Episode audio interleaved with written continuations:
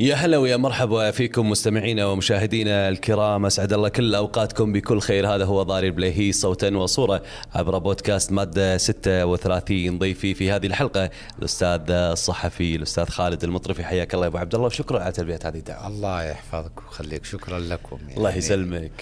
ترى إن شاء الله ما تكون بضاعتي مزجه لا لا إن شاء الله فيها الخير والبركة إن شاء الله. لكن بنتطرق وياك لمحطات ومواقف ومحاور. نبي نثري فيها المشاهد من مواضيع. بداية ببدي معك أستاذ خالد مع الإعلام والسياسة. هذول الشيئان الذي نادرا ما ينفكان عن بعض. آه، البعض يعتبر أن السياسة هي المصدر للإعلامي، لكن آه، بالوضع الحالي وبالصورة الأخيرة أصبح الإعلامي هو وسيلة للسياسي. أيهما أقرب بالنسبة لك؟ والله كلها ثنتين لكن هو في الحقيقة الإعلامي آه لازم يطور مهنته أدواته الإعلامية. لازم طبعا هو بكل تأكيد أي إعلامي في هذا الوجود ما عنده مصدر سياسي هو يظل ناقص يمشي على عكاكيز ظنون وعلى آه، تخيلات وعلى أشياء يعني ما عنده المعلومة الحقيقية. فالإعلام يحتاج السياسي بكل تأكيد. لكن يحتاج أيضا إلى كثافة هائلة من الأدوات اللي تساعده. أولا يكون عنده منطق ومنطق يعني الحقيقي لتفريز الغث من السمين في المعلومات والإشاعات وال... يكون عنده علم وهذا علم للأسف أنا ما شفت كثير من الوطن العربي يتعلمه اسمه Open Source Intelligence مصادر الاستخبارات المفتوحة. هذا يساعده في معرفة كثير من الحقائق اللي موجودة وتساعده في رسم الصورة الحقيقية آه، اللي تعينه على كتابة الخبر بشكل جيد. لكن هو في النهاية يحتاج الوصول إلى السياسي ويكون على خلفية ثقافية كبيرة تاريخية يكون عنده معلومات آه، آه، عميقة على الموضوع وعلى الشأن اللي هو بيطرحه فيه. ما يكون رايح بأدوات ناقصة بجهل على الحدث نفسه. هذه هي الفكرة. هذا بالنسبة للإعلامي للسياسي لكن السياسي. العكس إذا من السياسي للإعلامي. طبعا السياسيين آه، عندهم رسائل معينة يوصلوها فأكيد حيبحث عن الصحفي اللماح الذكي اللي يمرر له من خلاله أو يبحث عن الوسيلة في ناس تستخدم وكالات الأنباء زي رويتر في ناس تستخدم صحف آه، كتاب تستخدم يعني. لكن هذه في نطاق ضيق الآن مع ثورة التقنية وثورة الوصول السريع وثورة المنافسة الشرسة بين ال social media والصحف والوكالات. حتى أنه أصبحت الوكالات وال آه، وسائل الاتصال الإخبارية موجودة بكثرة الآن على المنصات الرقمية اللي موجودة في في في هذا الفضاء. وتغني عن الإعلامي. تغني بالله لا بالعكس الإعلامي ما في إذا كان عنده أدوات معينة، إذا كان عنده أسلوب معين، إذا كان عنده ثقافة هائلة عن مثلا قضية معينة. آه، التخصص مطلوب يعني. وأيضا الكثافة في المعلومات وأنه يبحث في المعلومات بشكل دقيق هذه لا تغني يعني أي صحف أو صحفي أو تعذره إنه هو والله ما عنده مصدر ما عنده معلومات ما عنده أشياء. تمام. في يومنا هذا هل أصبحت الصحافة العربية تحديدا يطغى فيها الرأي ولا عزاء للمعلومة؟ هي الصحافة كانت في الأول صحافة رأي. أول ما بدأت الصحافة إذا رحنا تاريخيا يعني زي الرسالة زي إلى حتى مجلات كويتية يعني أول ما صدرت كانت يعني العربي والأشياء كلها صحافة رأي يعني. لكن تحولت يعني الصحافة مع التطور اللي لمس الصحافة آه، في بداياتها إلى صفحة صحافة أخبار صحافة معلومة. المعلومة هذه تفيد تاجر تفيد السياسي تفيد الإنسان اللي يخطط وعنده مشاريع معينة تفيد حتى الإنسان العادي. أما تتحول إلى صفحة رأي أنت حجبت رأي القارئ وهذا لا يجوز يعني هو عنده رأي. كما المشاهد عنده رأي أو المستمع عنده رأي؟ لا تحجبه. يعني تعطي له المعلومة مجردة كما هي بدون لا تضيف لها رأي رغم أنه يعني المحترفين يعني من بعض الصحفيين يستطيع أنه يمرر آراء وكثير من الغربيين يمررونها يعني بشكل ذكي. فالصحافة العربية واللي تشوفه الآن يعني مليء بالآراء يعني اللي آه، تفسد بعض الأحيان الخبر. تفسد نفس الخبر. نعم. يعني أنت إذا كنت كصحفي في يومنا هذا تبي تكتب الخبر القادم تكتبه من وجهة نظرك كرأي أو رأي الشارع ولا تكتبه من معلومات ومصادر؟ لا لا أكتبه كما هو. مثل ما هو. ما كما هو ويصل للناس. الناس تبغى المعلومة تبغى الكلام المضبوط يعني ما تبغى زيادة على الخبر. يعني أنت تستطيع بعد ما تكتب الخبر تحط إصبعك على الأشياء الزايدة وتكتشف إنها زايدة ما لها معنى. هذه هي الفكرة ما لها داعي في مقولة تطري في بالي أبو عبد الله آه، إذا إذا ما أذكر صاحبها منه لكن كان يقول بما معناها إن الصحفي يقضي نص عمره الأول في البحث عن المعلومة والنصف الآخر في تكتيم بعض هذه المعلومات والخوف من إبداعها. لا لا شوف هو مع الخبرة ومع الممارسة هو يعرف ما ينفع الناس يعني ما ينفع اللي ينقال واللي ما ينقال. إيه يعني اللي ينفع الناس والزبد. يعني يعرف المسائل هذه ويعرف إذا كان هو يكتب خبر ولا يكتب تمجيد وتهليل وتطوير على هذا الخبر وضاع الخبر الاساسي اللي هو بيكتبه. يا أخي أنا بكتب خبر إنه يعني آه، فلان آه، اندعس في الشارع. ما أقول جات له مثلا سيارة روز ولا مرسيدس هي اللي دعسته ولا اسطوانات حلوة واسطو يعني ما لها دخل يعني هذه. قدم المعلومة وخلي هو اللي يفكر فيها. بس قدم المعلومة مجردة بدون يعني رتوش يعني ما لها معنى ولا تفيد القارئ ولا تفيد أي أحد. حدود الصحافة حدود الحرية في الصحافة وفي الإعلام. في يومنا هذا تقلصت أم زادت؟ والله شوف أنا إلى عهد قريب يعني كنت أعتقد أنه في عند الغرب مكنة. هو ما زال الغرب عنده المكنة هذه الهائلة من المهنية ومن الإعلام المؤثر في كل دول العالم. لكن بعد اللي شفناه في الحرب الروسية الأوكرانية والله حسيت إنه ما في حرية في. الصحافة. في دبابات تروح تخوض الحروب وما عدسات الكاميرات في وجهة نظر واحدة ما في وجهات النظر مختلفة. هذا ما هو شيء طبيعي ولا طبيعي؟ لا غير طبيعي. يعني أنا لما تسوق علي الأخلاقيات والمثل والمهنية والمهنية الصارمة وتجي انت يا صحافه غربية تكسرها يعني. أنت تسبب لي كلتشر شوك يعني في داخلي. سبب لي صدمة ثقافية. خاصة يعني كنا ننظر لكم أنكم مهنيين. هم ما زالوا مهنيين وما زالوا يؤثرون يعني وما زال لهم تأثير في العالم كله. لكن على قول جداننا البدو ما في مصلي إلا طالب مغفرة اكتشفنا انهم هم أصحاب مصالح أكثر مننا عندنا يعني. عندهم خير يعني اي في الحالتين. طيب عبد الله خلينا ننتقل وياك إلى قناة العربية. آه لك فيها صولات وجولات. آه، لك فيها تاريخ آه، يذكر ولك فيها بصمات واضحة، لكن أبي أسأل بعيدا عن خالد المطرفي، بسال عن قناه العربية تحديدا ماذا أضافت للإعلام السعودي؟ والله أضافت لي أنا شيء كثير يعني هذا اولا. لكن أنا الآن برا قناة العربية. وأنا أتكلم الحين ما لي مصلحة معهم.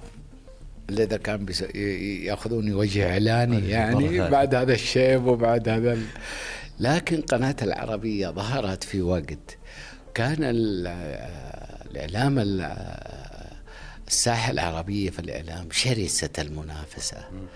وكانت يعني تتخطفها يعني قنوات كثير. في بعضهم استعار يعني حنجرة أحمد سعيد بس بدل الكرافتة والجاكيت وصار يعني عنده وهو يمارس تجييش البسطاء والعمال والعالم البسيطين الإعلام وانبهروا العالم ولحقوا هذه الموجة وجات العربية ونقلت الحقيقة. كان يعني الأستاذ عبد الرحمن الراشد صراحة يعني معلم. معلم في العمل الصحفي قدم المعلومة كما هي استطاعت العربية أنها تقدم وجهة النظر ليس السعودية فقط بل حتى وجهة النظر العربية كما هي بدون تزييف بدون الصوت العالي. وشقت طريقها يعني في فترة وجيزة إنها نافست قنوات كثير يعني وقنوات كانت متسيدة بدون لا أذكر أسماء يعني. فهي العمل لما يكون مهني يكون مهني. الآن عندنا تجربة جديدة يعني قناة الشرق. اللي أنا الحين مديرة وأنا ما دام مديرة خليني أستخدم السلطة في المايك هنا وأقعد أتكلم عنها يعني. هي قناة مختلفة عن الإعلام العربي ككل. شلون؟ هي أولا تتبع الشركة السعودية للأبحاث والنشر والشركة قاعدة تنمو يعني وحتكون يعني مدرسة في العمل الإعلامي ككل. عندها الشرق الأوسط عندها عرب نيوز عندها اندبندت عندها الآن عندها التلفزيون هنا. والتلفزيون قاعد يتطور. المنصات العديدة اللي راقبها هي تستهدف سن معين من الناس. البلد في السعودية أو في الوطن العربي غالبية 85% تحت سن الأربعين سنة. خلاص هو ما عاد يبي يسمع الآراء والكلام والقصائد القتالية اللي في نشرات الأخبار. هو يقدم الخبر كخبر بحياد أبدا ولا في تصنيف له ولا في انحياز لفئة ضد فئة. يقدم الخبر كما هو ويترك اللي يتابعها في المنصات العريضة والأذرع العريضة اللي صارت عندنا. الآن في وقت قياسي إحنا ما كملنا سنة من البث أو سنتين داخلين في السنة الثانية. أصبح يعني تقدم له المادة هو اللي يحكم. ما نعطي له رأي. هذا له رأي هو نفسه. وهذول ناس متعلمين غالبيتهم من الشباب اللي درسوا وخرجوا برا وشافوا تجارب الآخرين برا. فلا يمكن أنك تقدم له العمل المهني اللي يقدم في قبل خمس سنوات. ما يقبله. ولا يغير. هو يعني ولا يطالع فيك ولا يتابعك. هو عنده ذكي هو ذكي المشاهد ولا اللي يتابع الأخبار. لا تتخيل أنه أنت أذكى منه لأنك في العمل الصحفي. بالعكس هو ممكن يكون عنده ذكاء ضعفك بس الحظوظ جابتك في هذا المكان. فاحترم الناس احترم القارئ احترم المشاهد احترم اللي في السوشيال ميديا. انت لو تشوف البرامج الوثائقية اللي عندنا تنتقى بعناية وبمهنيه خاصة إنه الشرق عندها في الجانب الاقتصادي. والجانب الاقتصادي يهم قطاع عريض تقدمه بمهنية عالية. عندها شراكة مع بلومبيرج القناه العالمية. فهذا هو العالم يتطور. إحنا نقول لي كيف نسوي يعني بكرة لما يدخل ال AI الذكاء الصناعي. ثلاثة أرباع الناس اللي موجودين يحللون الأخبار حيحل محلهم الآلة. ما نحتاج طبعا إحنا تحولنا من آه، ثورة التحول الرقمي اللي هي الثورة الرابعة في الصناعات. إحنا الآن نمشي نسير ندخل الثورة الخامسة اللي هي الذكاء الصناعي. ملامح الثورة الخامسة شنو؟ ذكاء صناعي. ما نحتاج عنصر حيكون 40% من الناس مديرهم روبوت. مم. تخيل. حيجيبوا لك موظف بعدين هو اللي يعطيك حقوقك من الريبوت يعني وين؟ تأتمت كل الأشياء وتتبرمج في خوارزميات معينة هو يكتب لك كلمة الصحيفة هو يسوي لك الخبر هو يحرر لك المادة ويسويها في وقت قياسي هو يعطيك نتائج كم الشارع هذا كم تدخل سيارة في الساعة؟ كم يوجد في دكان؟ كم في أحد يبيع؟ كم في خلاص وين؟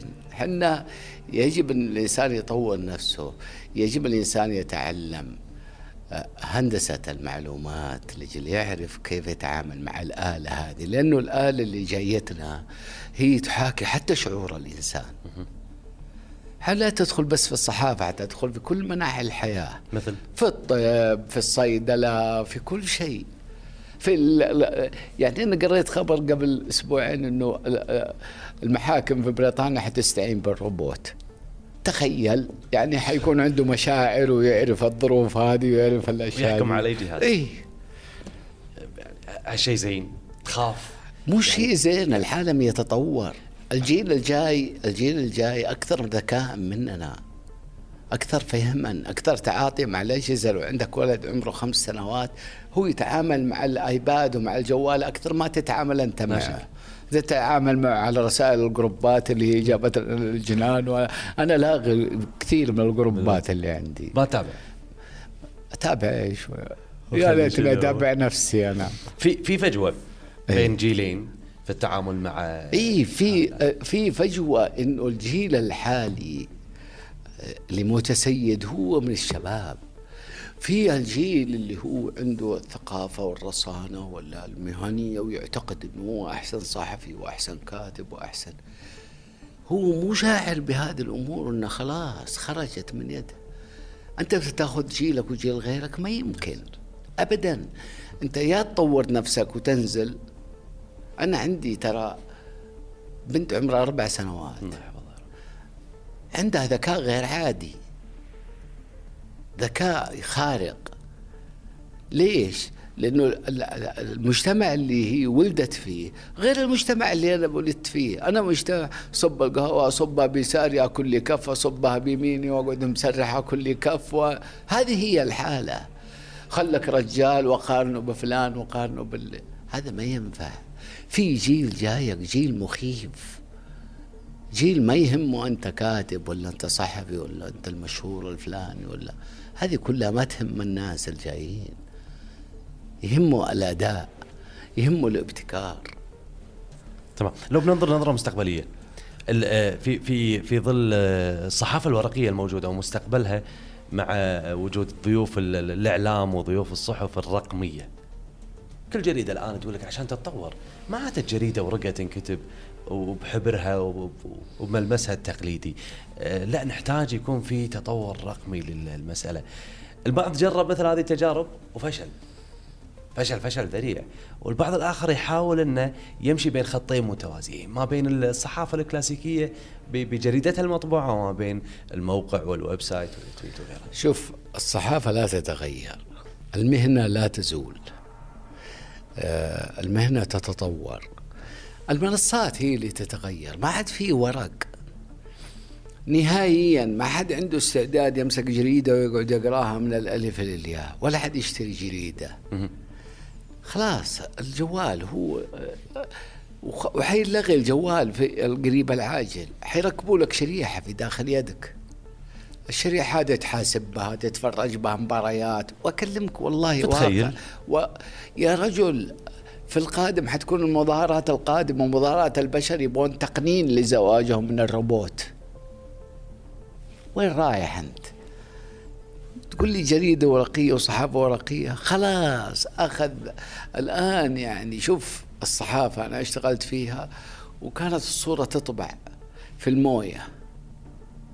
ندخل عليها الأحماض وفي غرفة مظلمة والله ما تشوف حتى أي شيء. وتطبعها وترسلها بشيء. بعدين اكتشفنا إنه اسمه الراديو. إحنا نقول إرسال الصور بالفا بالتلكس. وهي بالراديو يسمونها كانوا في الغرب. بس إحنا ما جانا المسمى إلا بعدين. بعدين الفاكس كان عندنا والله أذكر الفاكس كان يوصل فيها لين هنا من الأرض لين هنا. وارسل الخبر. وتروح الورقة يقول لا ما وصلتني.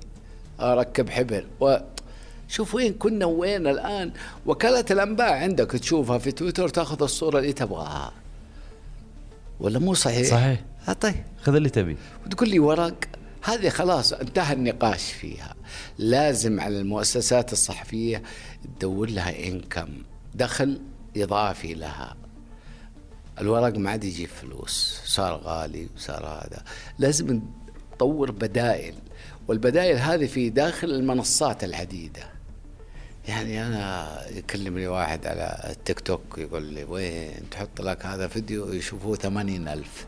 طيب أنا لو أبيع الجريدة وفيها كل أخبار الدنيا ما بعت ثمانية نسخ منها. ولا أنا غلطان. هذه إحنا مستعدين للمرحلة الجاية المرحلة المجهولة المعلومة. لا ما عاد في شيء مجهول. مجهولة بتفاصيل. ما عاد في لو في شيء مجهول كان عندنا قبل أسبوعين. مؤتمر الذكاء الصناعي في, في, الرياض هنا. يعني تشوف الأحداث القادمة. شوف كيف. يعني شيء مبهر صراحة. فلازم الإنسان يتعلم. يتطور. يطور نفسه يطور أدواته ولا بكرة بيلقى نفسه على الرصيف. لا لا إن شاء الله. أي. أبي أسأل آخر سؤال في موضوع الصحافة. متى صحفي يكون معلم في وظيفته؟ وما في معلم يعني ما في معلم بالصحافة؟ لا فيه يو- يوجه. فيه عنده خبرة عنده أشياء لكن الذكاء هذه الله موزعها بين الناس ممكن يجيك طالب بدون ما تخرج من الجامعة يهديك فكرة وأنت ما خطرت على بالك صحيح فما في معلم يعني ما في المعلم الأول ما في أفلاطون يعني في الصحافة. أستاذ الصحافة. إي في واحد عنده الخبرة وعنده يعرف المداخل والمخارج هو اللي يدلك عليها يعرف الأساليب ال- في الصحافة يعني. ويقول لك هذا ال- الأسلوب أحسن هذا الطريقة أحسن طور نفسك هنا ضبط نفسك هنا. لكن لا يمكن إنك تصنع من واحد تقول أنا اللي صنعته. ما يمكن إنسان يصنع إنسان. ابدا ال- ال- الأقرب لتوصيل المعلومه إعلام ولا تلفزيون؟ ولا هذا سوق وهذا سوق؟ والله لا الإعلام ولا التلفزيون لا هذا ولا هذا. عندك جوال وعندك ال social هذا، ميديا. إي social media وخلاص التحدي القادم إحنا لسه ما اشتغلت ال meta ال metaverse ال meta يعني حتى نعرف وين رايح الإعلام وين رايح المسائل يعني مع ال G 7 يعني إحنا الحين نتكلم عن G5. ال G 5 وشوف كيف. وش اللي بتسوي؟ يعني G7? الصين توعدنا في 2027 طلع جي 6 يعني هو الجيل السابع يعني. يخرع هذا الموضوع بالنسبة لك ولا يعطيك شغف حماس أكثر؟ لا هو ما يخيف. يعني من منطلق الانسان عدو ما يجهل. ما يخيف إذا كان الإنسان عنده الثقافه الداخليه ثقافه عنده الفاكسين الداخلي عنده الجرعة الداخلية عن الأشياء هذه. يعرف يعني المسائل فين رايحه وفين جاية تمام. من المحطات أيضا اللي بنتقل وياك فيها أستاذ خالد المطرفي آه، في مقال كتبته كان بعنوان آه، السعودية وإعادة ترتيب المنطقة. أنا الأمانة قرأت ال- ال- المقال لكن يعني ما في فرصة إني أسرده لكن أبي آخذ أبرز ملامح، شنو الهدف من هذا المقال؟ شنو الهدف من ترتيب السعودية آه، في محيطها المحلي في محيطها الخليجي العربي؟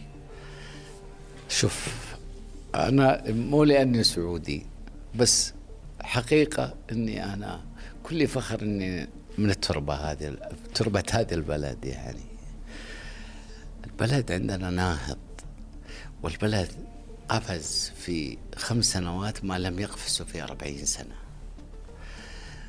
بلد قائد في الطاقة ويؤثر في سوق الطاقة بشهادة الغرب كله. آه، السعودية قبلة ال- المسلمين ككل فما يؤلمها في أي مكان وفي أي بقعة لأي مسلم هي تتأثر. كان لما فيصل بن فرحان قبل ليلتين في الأمم المتحدة يقول لا يوجد حل. وهذه واضحة وصريحة. هذه شعور بآلام الفلسطينيين. لا يمكن أن يكون في حل مع الإسرائيليين إلا بحل الدولتين والقدس الشرقية عاصمة فلسطين. هذا واضحة. هذه هي اللي أتكلم عنها. السعودية عندها سياسة رصينة متأنية ما هي متعجلة وتتحمل حتى بعض أخطاء الصغار وتدمح الزلة على قول البدو. يعني وعندها النفط هي قائد النفط. وأنا في تصوري يعني في تصوري أنا والله ما عندي أي معلومة إلا تصورات خاصة. إنه بك يعني بلس ممكن تنحل وتتسيد السعودية العالم. هي الآن هي الآن تؤثر في العالم. ممكن؟ الآن الآن هي تأثر في أسعار الطاقة وفي يعني عبد العزيز بن سلمان وسمعت تصريحاته.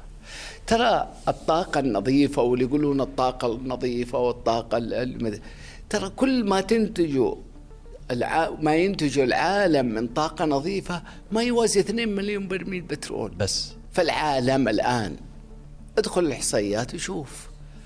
فالمركز السعودية يعني مركز شوف لا يصلح الناس فوضى لا سرات لهم ولا سرات لهم إذا جهالهم سادوا يعني السعودية هي مأزر العرب يعني ومأزر الأمة الإسلامية. شوف في باكستان لما صارت الفيضانات كيف. ترى يؤلم البلد أي جرح في العالم الإسلامي كله. هذا هو المنطلق يعني الحقيقي. هذا الكلام مو- السعودية نهضة نهضة نهضة حقيقية نهضة ليست مزورة ونهضة ليست برو. أنت جيت الرياض قبل كذا؟ جيت الرياض قبل كم؟ أربع سنين كيف شفتها الآن؟ غير. طيب أنت إذا تشوفها غير يعني أنا ما أشوفها غير. إذا أنت تشوفها فهو شيء طبيعي لسبب انتمائك لها. لا أنت تشوفها متغيرة ولا ما تشوفها متغيرة؟ متغيرة. هل هي قبل أربع لا سنوات لا, كذا؟ لا. لا أكيد مو هي. طيب الأنظمة الآن تطبع إقامتك. إقامتك تطبعها من جهاز زي الصراف. وين؟ كله عندنا مكننة وكل شيء. رقمنه لا الرقمنة غير المكننة في رقمنه شفتها واضحة. التحول؟ الرقمي إيه. غير المكننة. الأتمتة والمكننة غير. اشرح لي إياها. التحول الرقمي هو الابتكار. معروفة. المكننه لا المكننة هو تحويل الورق هذا إلى المكاين. هذا الجيل الخامس اللي نسولف عنه. لا الجيل الخامس هو الذكاء الصناعي. إحنا دحين في نهايات ال- التحول الرقمي. السعودية كلها تحول رقمي حقيقي. أنت تسوي صفقات كثير بالجوال حقك. وأنت قاعد. وأنت قاعد. في بيتك. أه، بس ترتيبها أنا أفهم هذا كله لصالح السعودية. طبعا لصالح السعودية وحيكون لصالح الدول ال- كلها العربيه ترتيبها في وال- المنطقة راح طبعا أنت عندك موقعنا الجيوسياسي. موقع غير عادي يحيط بكل القارات. يعني تبغى يجينا ناس متخلفين دمروا بعض الدول زي إيران شوفها كذا. السعودية واقفة في موضوع مهم للدول العربية ككل. هي تحاول إيجاد صوت. هي في زانا بايدن جبنا غالبية الدول العربية حاضرة معنا لجل تشوف تسمع. زين. الدعوة لإعادة ترتيب السعودية وتصنيفها في في المنطقة يضايق البعض؟ لا أعتقد أنه ما ي- شوف ما يضايق إلا ضعيف النفس والحسود. بس بس. زين. أيضا في مقال الاعلام المتخصص ومستهدفات الدولة السعودية. أيوة. شو اللي يحتاجه الإعلام السعودي في يومنا هذا؟ عشان يحقق تلك المستهدفات. لا أنا أتكلم عن الإعلام المتخصص. يعني مثلا لما يجي واحد ويشوف الصفقات العقارية ويشوف التوجه العقاري هو أصلا تلقى ما عنده المعلومة ما عنده التخصص. هو مجرد صحفي اقتصادي ونقل لك المعلومة هذه من وجهة النظر الاقتصادية وضيقة ما هي واسعة. يعني مثلا الآن أنت تدخل منصات كثير في السعودية وتشوف حتى على مستوى العقار كل المعلومات واضحة. هذه المعلومات هي تفيد حتى المستثمر الخارجي والمستثمر الداخلي. هي تعطي له الأبعاد كلها. فيجب على مؤسسة الإعلام في المؤسسات الخاصة بالدولة هذه مهم ومطلب وطني. أولا يعني مطلب وطني كيف؟ إنه يبرز الإنجازات ويبرزها ويسويها دعاية داخلية وخارجية ودعاية حسنة يعني مو دعاية يعني فجة. وأيضا يؤسس شيء وطني للناس الناس تفهم بلدها إيش المشاريع اللي فيه. لما يكون إنسان صحفي متخصص ويعطيه المعلومة الدقيقة أفضل مما يجي واحد زي صحفي كذا ويقول إيه والله والله ممتاز وهذا كويس. ما ينفع.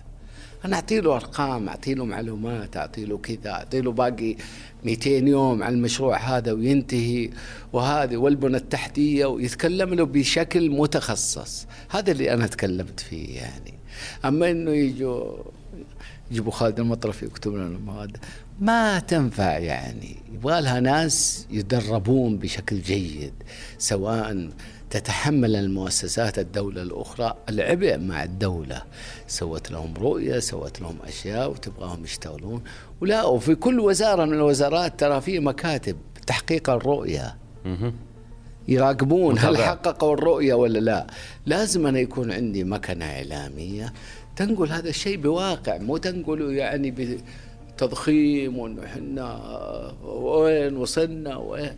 يا أخي السعودية الآن تبي تطلع الفضاء. أكلمك بجد. طيب في أحد الآن راح للفضاء وليش وش الأبحاث وش؟ قبل فترة يعني ناقشوا موضوع تحلية المياه في الفضاء. عندنا نيوم. يعني كلها اجتهادات والغرب يعتبرها خيال. خيال غير قابل للتطبيق. وخيال وخيال حتشوفه بعد أربع سنوات خمس سنوات اللي يبهر العالم. هل السعودية تغيرت تماما؟ السعودية تبحث على للجيل هذا والأجيال القادمة مو بس الجيل هذا هي تبى تهيئ بلد غير عادي. تمام. لو تملك قرار الإعلام السعودي شنو لا لا أنا ما أعرف. الإعلام السعودي. ما لو لو لو ما تملك قرار لهذا الإعلام السعودي أو على الأقل لو لو مشوره تمنع ت... ت... تفتح تمنع الشيطان. لا لا لا لا ما تفتح. تمنع آه، وقوع الفعل الثاني. الوقوع الفعل الثاني. أي. زين لو عندنا نصيحة للإعلام السعودي شنو ممكن تكون؟ والله في صحفيين كويسين وفي الصحف كويسة بس إنه الخروج من التكراريه يعني في بعض الصحف يعني. كل واحد ياخذ له خط وقد يبدع في هذا الخط أكثر مما يبدع في آخر. هذه النصيحة. طبعا كل واحد يعني يعني أدرى بما يقدمه يعني. يعني أنا ما أبغى ليتني أنجح أنا إيش أقدر أسوي يعني. ما في عقلي إني أفكر عن نيابة عن الآخرين ولا زين بدأت تطلع عندنا أسماء أخيرة بالفترة الأخيرة. إعلاميين إيه. آه، يصنف آه، كإعلامي أو كصحفي. لكن هو ناشط في التواصل مواقع التواصل الاجتماعي فقط لا أكثر. عندي موقع عندي متابعين في مواقع التواصل الاجتماعي رأيي مسموع. فإذا أنا أصنف كإعلامي أو أصنف كصحفي هذه ظاهرة طبيعية؟ والله شوف أنا عندي قاعدة. أما الزبد فيذهب جفاء وأما ما ينفع الناس فيمكث في الأرض. الزمن كفيل انه يفرز. زي ما فرز ناس كثير قبلنا يعني الزمن يعني سنة الله في الأرض هي يفرزهم. ما عليك. بس يعني ما يأثر على الناس. ال- الإعلام الحقيقي ما حد يأثر عليه. ابدا. هو قد يؤثر على الناس. ما يقدر يأثر على الناس. الناس أذكياء ترى. السواد الأعظم ناس فاهمين وأذكياء وواعيين ومدركين. الجيل الجديد هذا لا تستهون فيه. أبد. ومتعلم. وانفتح عنده كل الأشياء التقنية اللي يقدر يفرز الغث من السمين. ويعرف إنه هذا صادق ولا هذا مو صادق. ولا أنا غلطان؟ لا صاد إيه. المقومات الموجودة عند الجيل الحالي لو كانت أنا عندكم تجيني بنتي أقول لك في رابعه ابتدائي وأقول لك كذا تقول لا لا لا هذه الأمريكية عندها فيك كثير إيه. إيوه. هاي وش أنا رابعة مشيت علي ما مشيت علي. رابعة ابتدائي. إي رابعه ابتدائي. ما ما, يخ... ما تخاف عليهم كجيل جديد؟ لا. إن بالنهاية هم ما هم قادرين على تمييز. الصح والخطأ. أي إنسان يعني ابعده عن خليه يمارس حياته طبيعي. بس حاول تزرع الأخلاق فيه بس بشكل ذكي يعني مو بشكل فج. فج. وهذا عيب وهذا مدري لا لا لا لا. لكن حقه يا أخي إنه يعيش يعرف إيش فيه في المجتمع وش اللي حاصل وش اللي أما يطلع زي أنا أصمخ ما يعرف ولا شيء ولا يعرف انه إنه ما يعرف إنه الجوال حقه يقدر يطلع يطلع به الآن لايف من أي مكان في العالم. بكرة لما يجيك ال- آه، الإنترنت من الاقمار الصناعية. الصناعية. أي دوله تبى تسوي رقابة على الصحافة؟ صعبة. ما في. صعبة. ما في. حتى من تحت البحر يقدر يرسل لك خبر. وين؟ هذه صحافة الجيل السابع يعني. وين وين رايحين إحنا الله يكتب لنا عمر آه، وياك. إيه، ونعيش. هذه التجربة يعني. وإن كانت آه، نوعا ما خليني أقول مو مجهولة لكن ملامحها شوي مجهولة. لا لا ما هي مجهولة. واضحة بالنسبة لنا؟ أنا بالنسبة متجهزين؟ لي أنا واضح. إي لأنك استعديت لها. على الأقل يعني ماني متفاجئ. اللي يحدث ماني متفاجئ فيه. طبيعي ومتوقع. متوقع نعم. ترى الجاحظ يقول المعاني على قارعة الطريق. أنا ما جبتها من عندي ولا جبتها من راسي ولا قاعد أحلم في الليل. موجودة كلها موجودة. لو الواحد أعطى لنفسه بس شوية هدوء يكتشف أشياء كثير. سؤالي الأخير لك آه، أبو عبد الله متى يستقيل أو يتقاعد الصحفي؟ والله ما يستقيل. كلش. العمر لا كله لا يكون كم جلس في. السنين ها؟ العمر كله بيتم صحفي. يعني إذا في عنده القدرة أما إذا راح طار المخ هذه مسألة ثانية. لكن هي مو مرحلة معينة واقول خلاص لا لا. هي هي تعتمد على التفكير. هل تجيد التفكير بشكل جيد؟ هل تستطيع أنك تميز يعني بشكل هذا هو. أما والله إذا كنت تنسى السطر ال- الأول بعد ما وصلت السطر الثالث لا والله ارحل وريح مخك أحسن. ري- ريح الناس. إيه. ريح الناس. الله يعطيك الصحة والعافية. كل الشكر لك الأستاذ خالد المطرفي. شكرا يا أبو عبد الله على تلبية هذه الدعوة. مره ثانية. شرفتنا في هذا اللقاء. كان معنا ومعكم في هذه الحلقة من برنامج بودكاست مادة 36 الأستاذ الصحفي خالد المطرفي. نلتقيكم في حلقات قادمة. في أمان الله.